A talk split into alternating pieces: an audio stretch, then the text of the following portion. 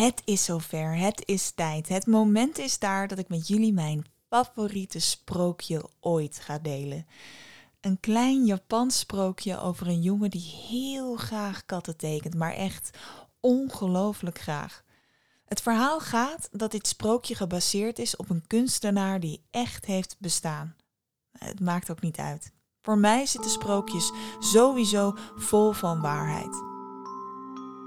Dit is Tien Wijze Heksen, een podcast vol sprookjes, mythes en legenden.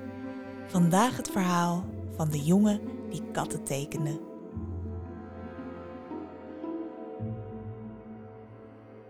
Er was eens een boerengezin. Ze hadden zes kinderen, waarvan de eerste vijf sterke en grote zonen en dochters waren. Met echte boerenarmen en grote boerenhanden maar het zesde kind was maar dun, klein, iel. Hij was dan wel heel erg slim, maar op het platteland was hij vrij nutteloos. Nog geen worteltje kreeg hij uit de aarde getrokken. Daarbij had de jongen een wat eigenaardige hobby. Hij deed niks lievers dan katten tekenen. Katten in alle soorten en maten dikke katten, dunne katten, lapjeskatten, Siamese katten, ragdolls, pluizige katten, kale katten, katten zonder staart, katten met twee staarten. Je kon het zo gek niet verzinnen of hij tekende het, zolang het maar een kat was. Zijn ouders hielden veel van hem, maar zagen ook dat ze hem weinig toekomst te bieden hadden.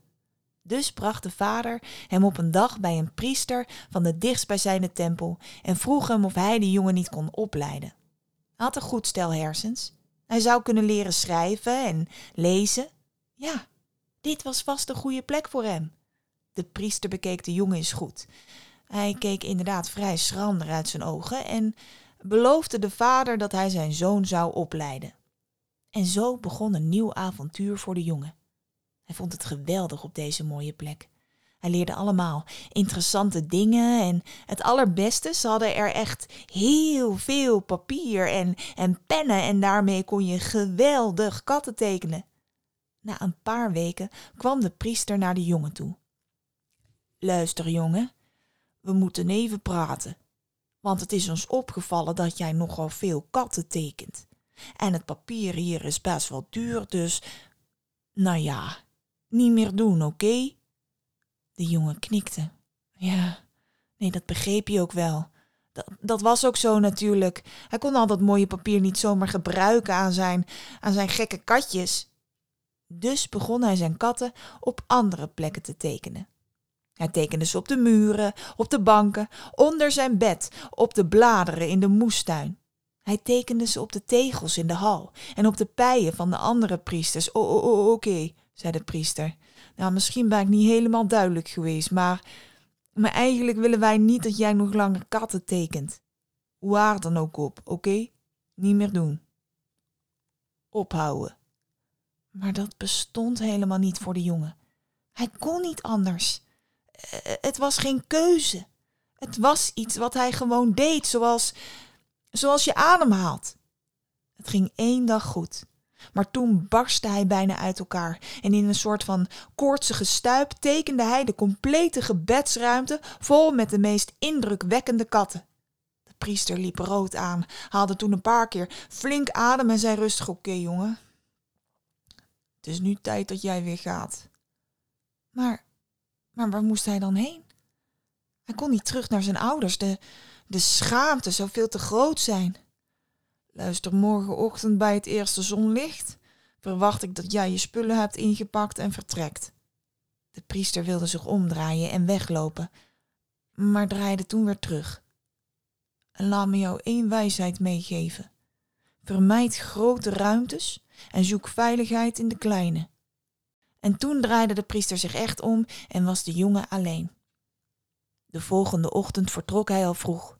Hij liep en liep heel de dag door, langs bossen, langs bergen, langs dorpen en meren, en het was uiteindelijk al donker toen hij in de verte een tempel zag liggen, de ramen uitnodigend verlicht. Hij liep door een dorp waar de mensen al sliepen. Waren ze wakker geweest, dan hadden ze hem kunnen waarschuwen. Dan hadden ze hem kunnen vertellen vooral niet naar de tempel daarboven op die berg te gaan.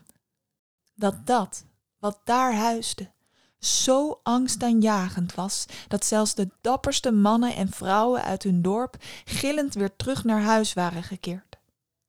Dat zouden de mensen hem hebben kunnen vertellen. Maar helaas, ze lagen te slapen. En de jongen liep onbewust van het gevaar, vol moed de berg op. Hij kwam aan bij de tempel en klopte aan. Hij klopte nog eens aan. Hij klopte nog een derde keer. En toen besloot hij om maar gewoon naar binnen te gaan. Er was niemand te bekennen, maar wat een prachtige, grote, witte, lege muren. De jongen had heel de dag gelopen, maar ondanks zijn vermoeidheid trok hij een stuk houtskool uit zijn tas en begon als een bezetene katten op muren te tekenen. Ze waren prachtiger dan ooit. Groot, met, met woeste tanden en scherpe klauwen, met intense ogen en hun neusjes leken bijna nat, zo realistisch waren ze. Na twee uur, als een gek bezig geweest te zijn, voelde de jongen hoe moe hij was. Zijn spieren deden pijn. Zijn ogen waren zwaar. Hij kon ter plekke gaan liggen en in slaap vallen, maar op dat moment dacht hij terug aan de woorden van de priester. Vermijd grote plekken, zoek veiligheid in de kleine. De ruimte kwam hem ineens wel als heel groot voor. En een beetje eng ook, zo alleen als hij was. In de hoek zag hij een kast. En met zijn laatste beetje energie liep hij naar de kast, ging daarin liggen en trok de deuren dicht. Nauwelijks was hij in slaap gevallen of hij werd wakker van een angstaanjagende, diepe brul.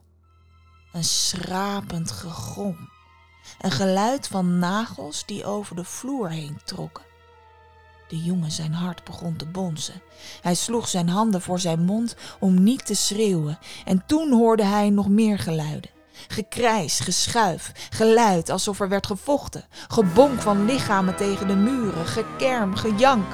Hij duwde zichzelf tegen de achterkant van de kast, probeerde zo stil mogelijk te zijn en toen was het plots stil.